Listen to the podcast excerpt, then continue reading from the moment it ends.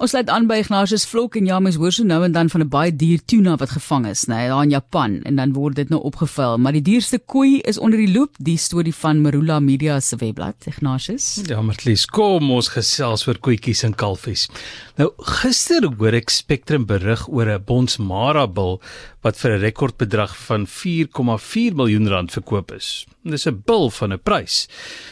Met 'n bil is daar daarby vooruitsigte van kinders by dosyne dosyne dosyne.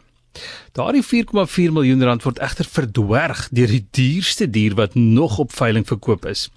Dis 'n koei in Brasilië. 'n Derde van die koei is vir 26,4 miljoen rand verkoop. Die algehele waarde vir die koei is 80,2 miljoen rand. Nou, die koei is van die Nellore ras, oorspronklik van Indië.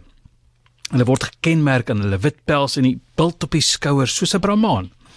Hulle kan die hitte vat want hulle het los velle en hulle sweetkliere is tot 2 keer groter en 30% meer as die van Europese rasse.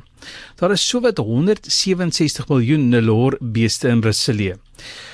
Die koei moet omtrent iets spesiaals wees. Ek wil hoeveel kalwers kan jy nou van die 4-jarige koei verwag?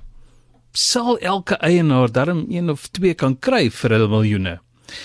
Daardie derde is nog 'n diersnit en dan kan jy dit nie eens in die kluis hou nie. Dit moet maar in die wind en weer gaan gras kou en herkou.